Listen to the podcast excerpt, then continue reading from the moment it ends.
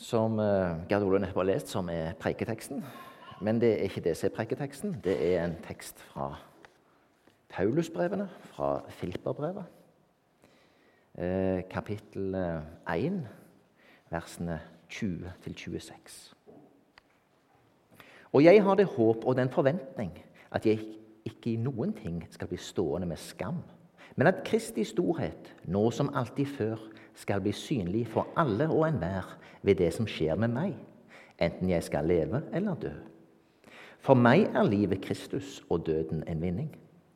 Men hvis det å bli i live betyr at jeg kan gjøre et arbeid som bærer frukt, da vet jeg ikke hva jeg skal velge. Jeg kjenner meg trukket til begge sider. Jeg har lyst til å bryte opp herfra og være sammen med Kristus, for det er så mye, mye bedre. Men å bli i live er mer nødvendig for deres skyld. Det er jeg viss på, og derfor vet jeg at jeg skal leve og være hos dere og hjelpe dere til fremgang og glede i troen. Da skal dere i Kristus Jesus få rikelig grunn til å prise dere lykkelige for min skyld når jeg igjen kommer til dere.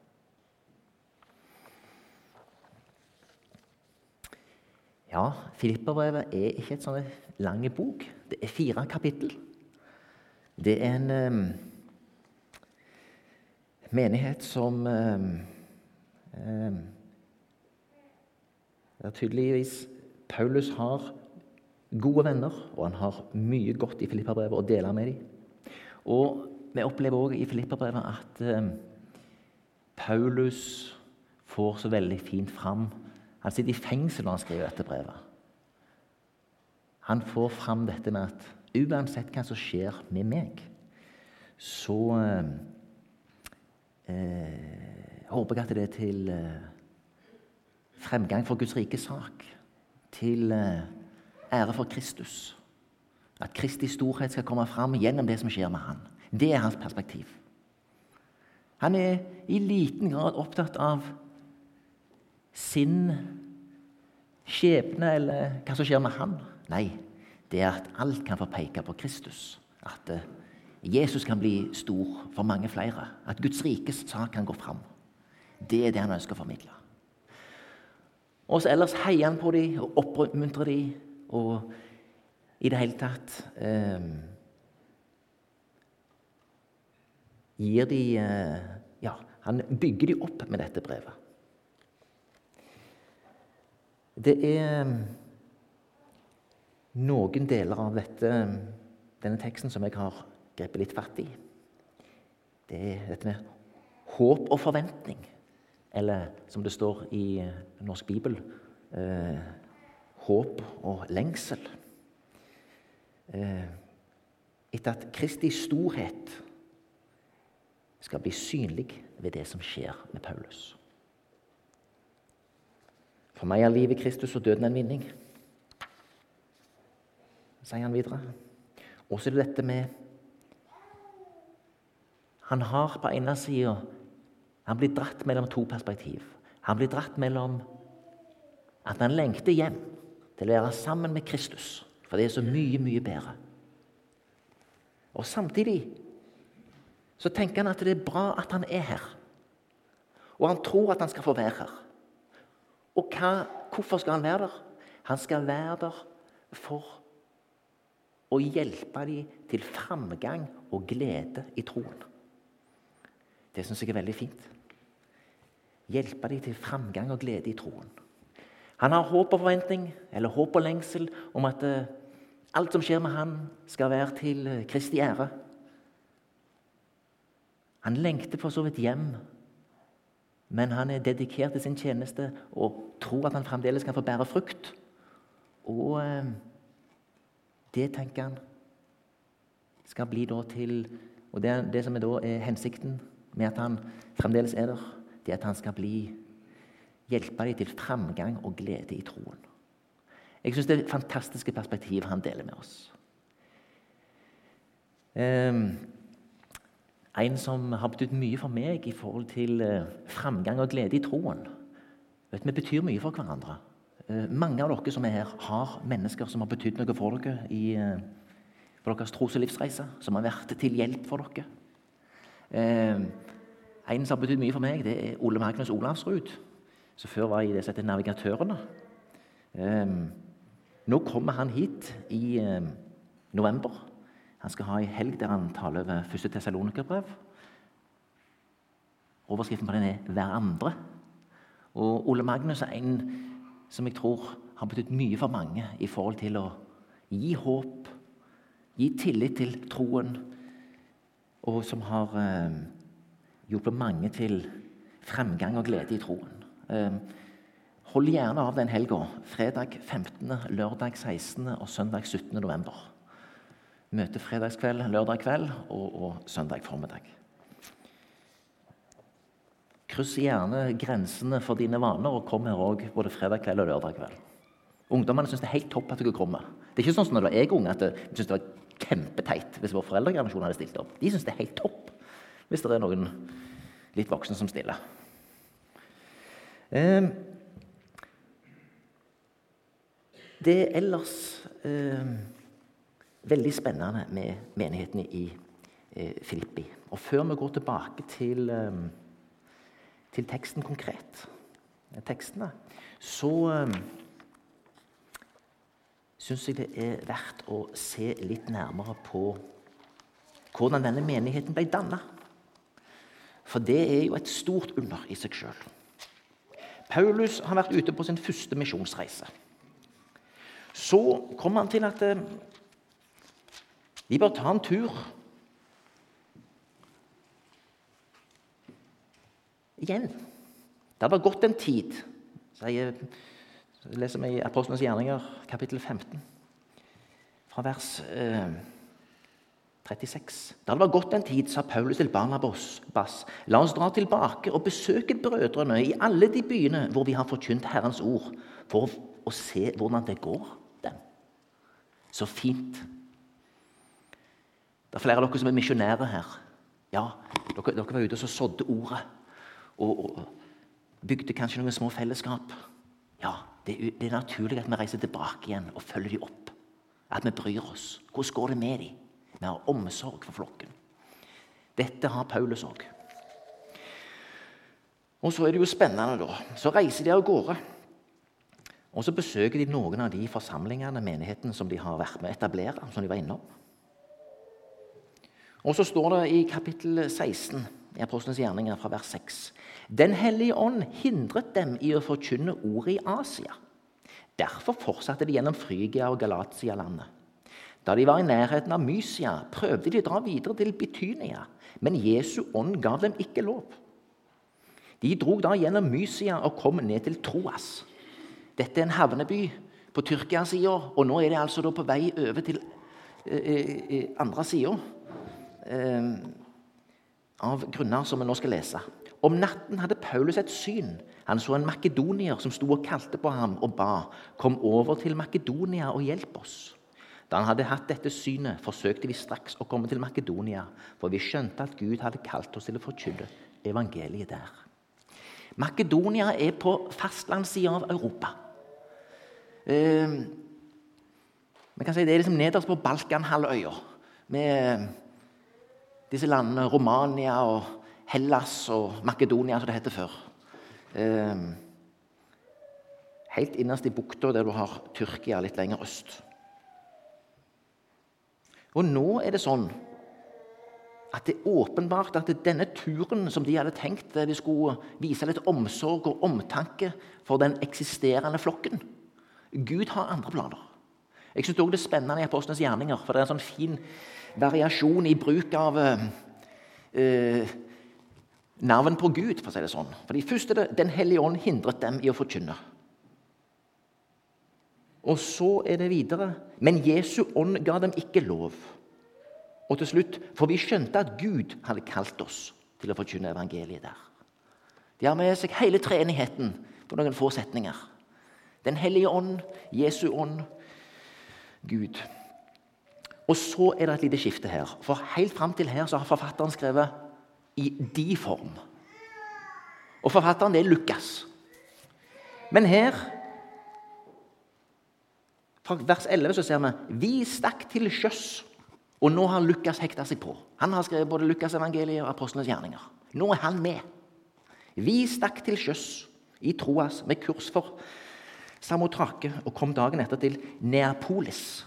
Den byen eksisterer en dag i dag, og den heter i dag Kavala. Derfra bar det videre til Filippi, 15 km nord for Kavala, eller Neapolis. Dette var en uh, viktig by, romersk koloni, um, og lå denne gangen langs en viktig vei. Denne veien ble fra år 300 ikke viktig lenger, men på den tida er det en viktig vei for romerne for å komme fra Roma, uh, over Brindisi uh, og østover til den østlige delen av Romerriket. Så dette er en romersk koloni og en veldig viktig knutepunkt. Og Det er altså det første stedet der Eh, evangeliet forkynnes fastland, i Fastlands-Europa. Hva gjør disse når de kommer dit, disse brødrene? Det er ikke synagoge i denne byen, ser det ut for. Eh, det er ikke nok jøder der til å etablere det. På sabbatsdagen gikk vi utenfor byporten ned til en elv hvor vi mente det var et bønnested. Om dette er et bønnested eller et bønnehus, og altså egentlig en synagoge. Jeg har lest det på dette, det er, det er ikke helt klart. Om de sitter eh, eh, ved elvebredden, eller om de er med et hus ved elvebredden, er ikke helt klart. Men her satte vi oss ned og talte til kvinnene som var samlet. Det var en del kvinner som var samla i bønn på sabbaten. Dette er veldig spennende. Vanligvis gikk de til synagogen som var i byen, og begynte å tale til eh, jødene som var der. Og så utvikla det seg derifra. Men her, her møter de opp på en bønnesamling som noen kvinner har. Og så er det jo spennende, da, for de møter jo her Lydia. Ei businessdame som driver stort i handel med purpurtøy. Som altså har en ganske vellykka virksomhet. Og Hun blir kristen, og hun blir døpt med hele sin husholdning. Og hun blir en eh, ledende figur, for de samles hjemme i hennes hus. Hun hadde tydeligvis ressurser. Og eh, etter hvert her så kom det en, ei, ei dame med en spådomsånd, eh, der de da etter hvert driver ut denne ånda. Og det blir opprør og misstemning. Og Paulus og Silas må reise videre. Men da står det altså da står det her Så dor de sin vei. Og nå reiser Nå reiser altså da eh, Paulus og eh, ikke Silas, men Paulus og Barnabas videre til Tessaloniki. Det er 16 mil derifra.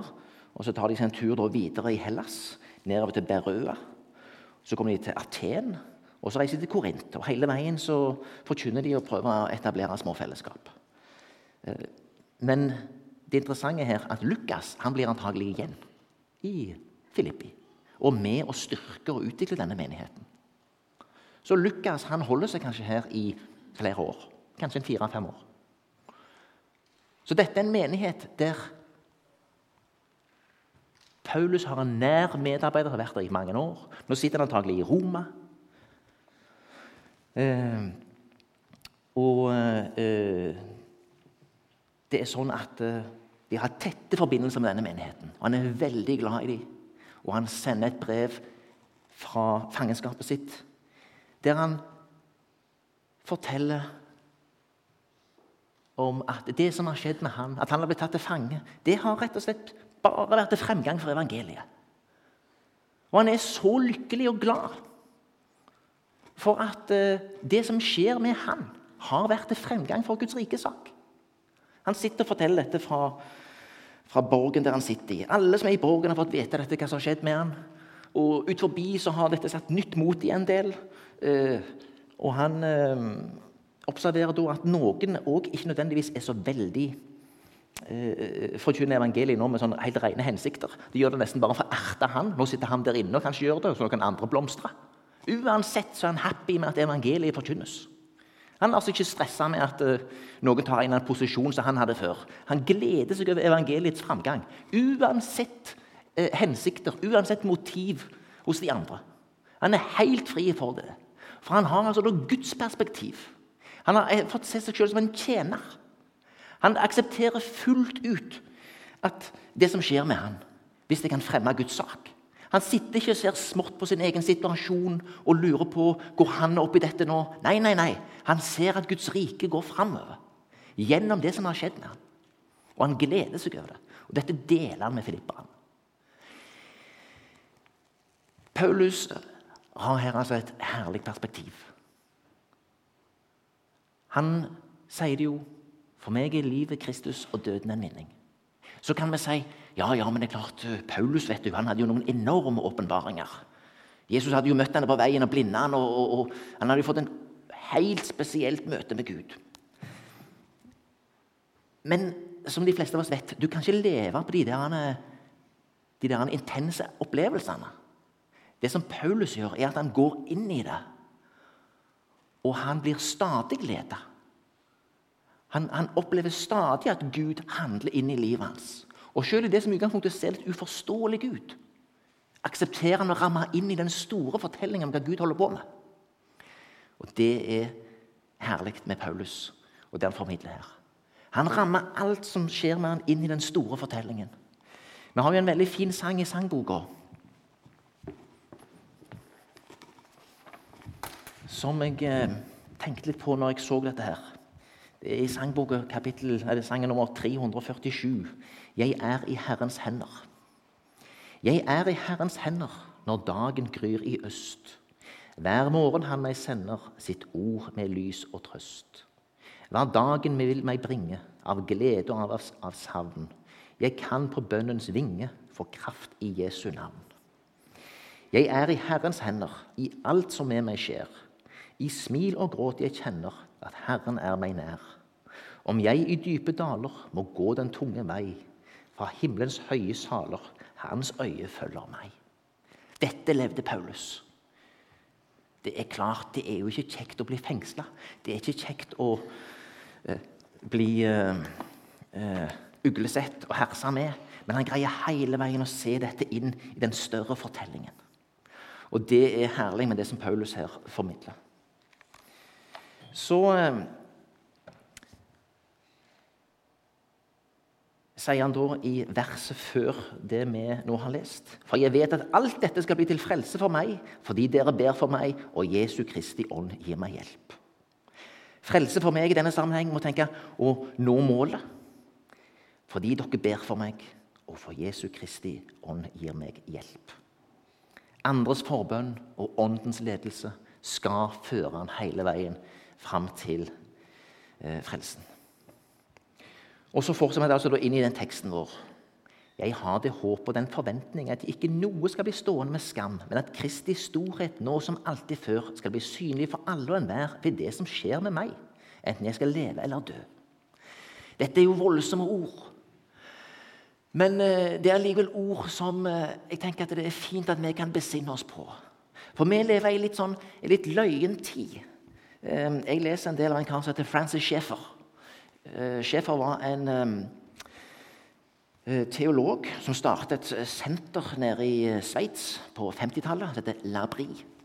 Eh, her kommer det mange kristne som hadde blitt litt sittende, og som unge mennesker som søkte sannhet, men som opplevde at foreldrenes tro var veldig sånn enten lovisk eller veldig lite kjærlig.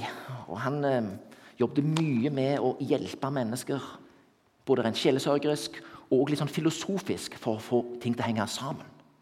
Vi har levd i en tid nå de siste 100 årene vel, der veldig mye av det gode, gamle bildet som, av, som har hatt siden reformasjonen, i fall, om at det, det, er en sammenheng, en helhet i tingene, fordi Gud er der. Denne historien har på mer eller mindre forsvunnet. Og Schæfer er utrolig flink til å vise dette. Alt som har skjedd i filosofi, alt som har skjedd ellers, sier sjefer har gjort at vi er blitt så veldig opptatt av de små tingene. Det erfarer vi jo litt hos oss òg. Alt som kan digitaliseres, alt som kan måles, settes opp noe veldig stort. Alt som kan inn i en eller annen manual, alt som kan la seg stykkes opp. Veldig mange av oss har jo jobber i dag der det å følge disse manualene er det viktige. Den store fortellingen, eventuelt eh, det som holder alt sammen, holdningene dine, verdiene dine og dette, det prøver vi å formidle inn på kryss og tvers, men ofte er det disse små tingene vi henger oss opp i. Og Sjefer er veldig tydelig på at eh, når Gud forsvinner av radaren, når Gud forsvinner, så mister vi denne helhetstenkningen. Da blir alt bare sånne bitte små ting som skal måles. Og det driver oss ut i det meningsløse. Det driver det moderne mennesket ut i desperasjon, sier Sjefer. Derfor er det så befriende her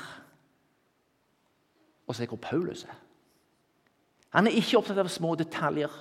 Han er ikke opptatt av at eh, noen forkynner evangeliet nærmest litt sånn manipulerende for ertene, mens han sitter i fengsel og ikke kan høste æren for det som han har sådd. Han ser bare at Gud holder på med noe svært, og han får være en del av det. Gud holder på med noe stort, og han får være en del av det. Og Han har altså en håpende forventning og lengsel at uansett hva som skjer med han, så må altså da Kristus bli æra. Kristi storhet må få komme fram gjennom det som skjer med ham. Vi òg trenger å besinne oss i vår tid på at vi ikke blir for opptatt av de bitte små tingene. Den tendensen i vår tid til at vi kan gjøre hele livet vårt til det jeg vil si, sånn som i business snakker, vi kan, vi kan gjøre hele livet vårt til en konstant avviksanalyse. Veldig mange kjenner til dette med avviksanalyser. sant? Ja, her er vi nå, og der skulle vi vært. Og det vi fokuserer på, er dette avviket. Problemet er at dette kan vi også trekke med oss inn i menighetslivet. Ja, her er vi nå. Vi skulle jo vært der. Det kan være også i vårt personlige liv. Jeg er jo her, men jeg burde vært der. Og dette må vi hjelpe hverandre med. Her tror vi virkelig vi trenger å hjelpe hverandre til fremgang og glede i troen, som Paulus gjør så fantastisk. Han etablerer det store bildet. Han eksemplifiserer hvor han sjøl er. Uansett hva som skjer med meg, så, så ber jeg altså, har håp og forventning om at det må bli til Kristi ære. Uansett. Og For vår del så trenger vi også å besinne oss på dette. At vi hjelper hverandre til glede og fremgang i troen. Da gjelder det at vi ikke blir for som jeg sa når jeg jobbet i SR-banksystemet, blir sånne småmålere. Alle sånne systemer, og SR-Bank hadde jo et målesystem. Balance scorecard. Du skal score på ting, og til slutt så kommer det ut en eller annen karakter på hvor god du er. eller Rød eller grønn eller gul. Eh, så jeg brukte ofte et begrep sånn småmåling. Og så mister du det store bildet. Vi må ikke bli småmålere, verken i våre egne liv, i forhold til andre kristne eller i forhold til forsamlingen. Eller i forhold til hva Gud holder på med. Vi må hjelpe hverandre til å se det store bildet. Til å se det vi får være med på. Det var sterkt når vi hadde hun Ainora fra uh, dette landet i sensitive områder uh, på besøk. Det var sterkt å se hvordan Gud hadde ledet hun. Det gir oss et helhetsbilde av at Gud holder på med noe stort. Han bruker Norsk Luthers Misjonssamband inn i sensitive områder. Han bruker radioarbeid. Han bruker NLM sine, sitt oversettelsesarbeid til å handle med mennesker. Vi får være med på noe stort. Vi får lov til å løfte fram dette arbeidet i bønn. Vi får lov til å uh, gi av våre midler. Vi får lov til å samles. Vi får lov til å be for misjonærer. Vi får lov til å be for de som har det vanskelig i forfulgte områder. Vi får lov til å be for det store arbeidet vi har vært med i Kina, Etiopia, Tanzania Kenya. Vi får lov til å sende tilbake noen representanter som kan sette mot i oss og fortelle hvor stort det faktisk har blitt. Og vi tar med oss hele dette perspektivet. Vi må hjelpe hverandre til å løfte øynene på dette. Vi må hjelpe hverandre til å se at Gud holder på med noe stort, og vi får være en del av det. Det er en fare, særlig for oss, tenker jeg, um, i en, eh, et rikt, lite land som i perioder tror jeg er overadministrert. Der veldig mange holder på med administrative saker og sliter seg ut på de der manualene. Jeg sier ikke at det ikke er viktig. Gud har uh, opptatt av omsorg og HMS og uh, de tingene. Det står i Moseloven at hvis du bygger et hus, så skal du lage et rekkverk på taket. Det ligger mye omsorg i å bry seg om, om sånne ting. Men, men uh, av og til får de små tingene et veldig fokus. Så at vi ender opp med å se bare de små tingene.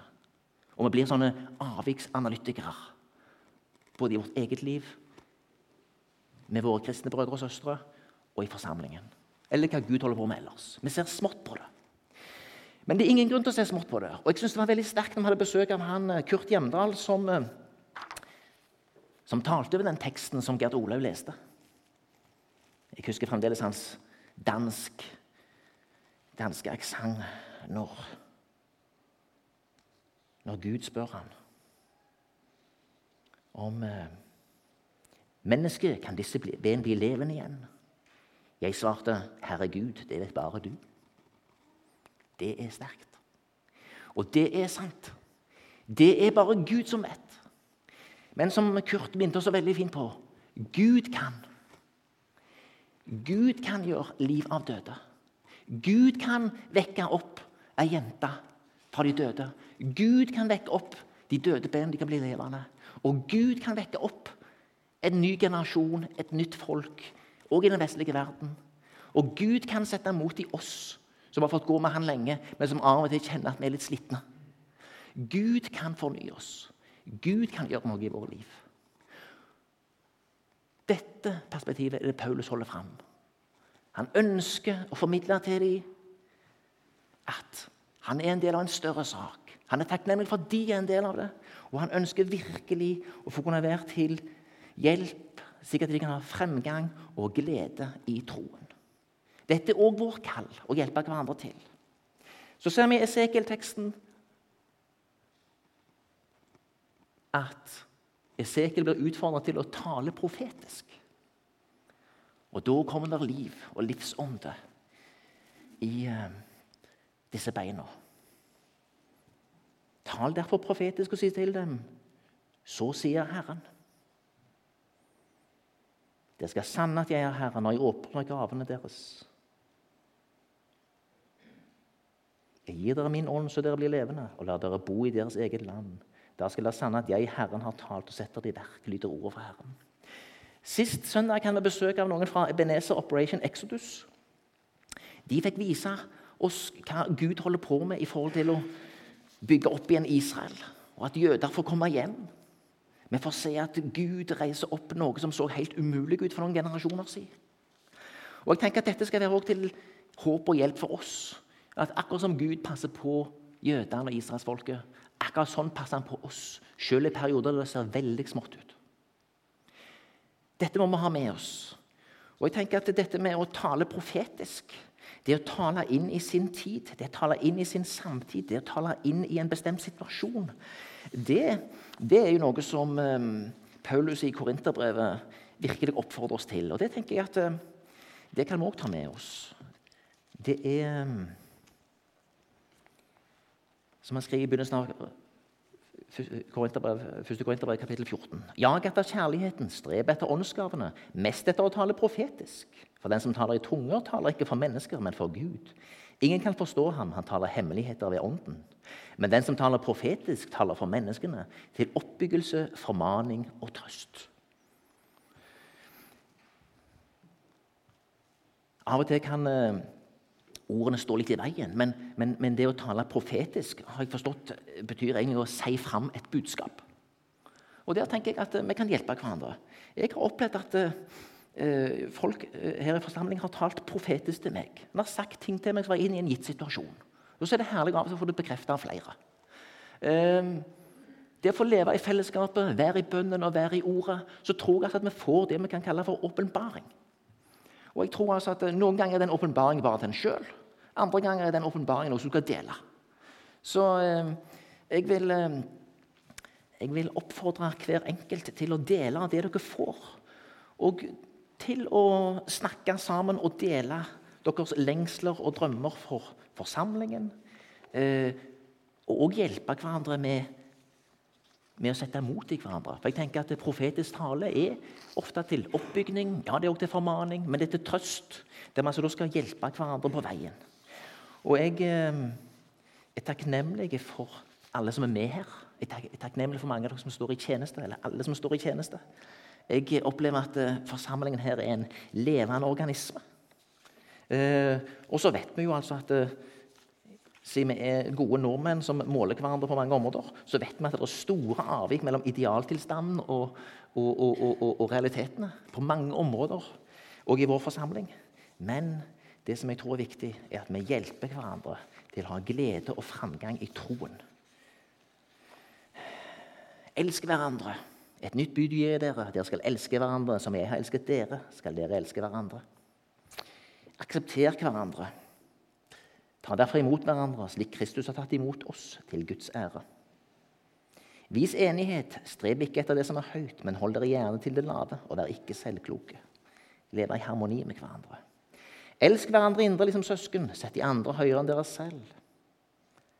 Mine brødre, jeg tviler ikke på at dere er fullt av godhet og selv har kunnskap nok, slik at dere også kan rettlede hverandre.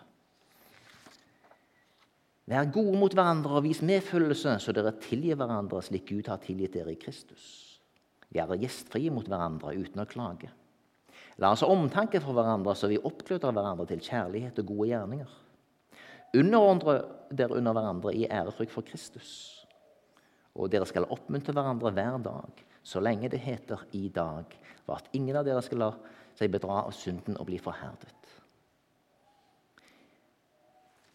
Vi oppsummerer. Paulus har håp og forventning om at alt som skjer med han, skal være til ære for Kristus. Han har hjemlengsel. Han vet at det er så mye mye bedre å være hos Kristus. Men han forstår at hvis han, at han kan få bære frukt og fremdeles være til velsignelse her, så vil han det. Og det han vil med å være her, det er å kunne hjelpe til å gi fremgang og glede i troen. Måtte det òg være vårt ønske.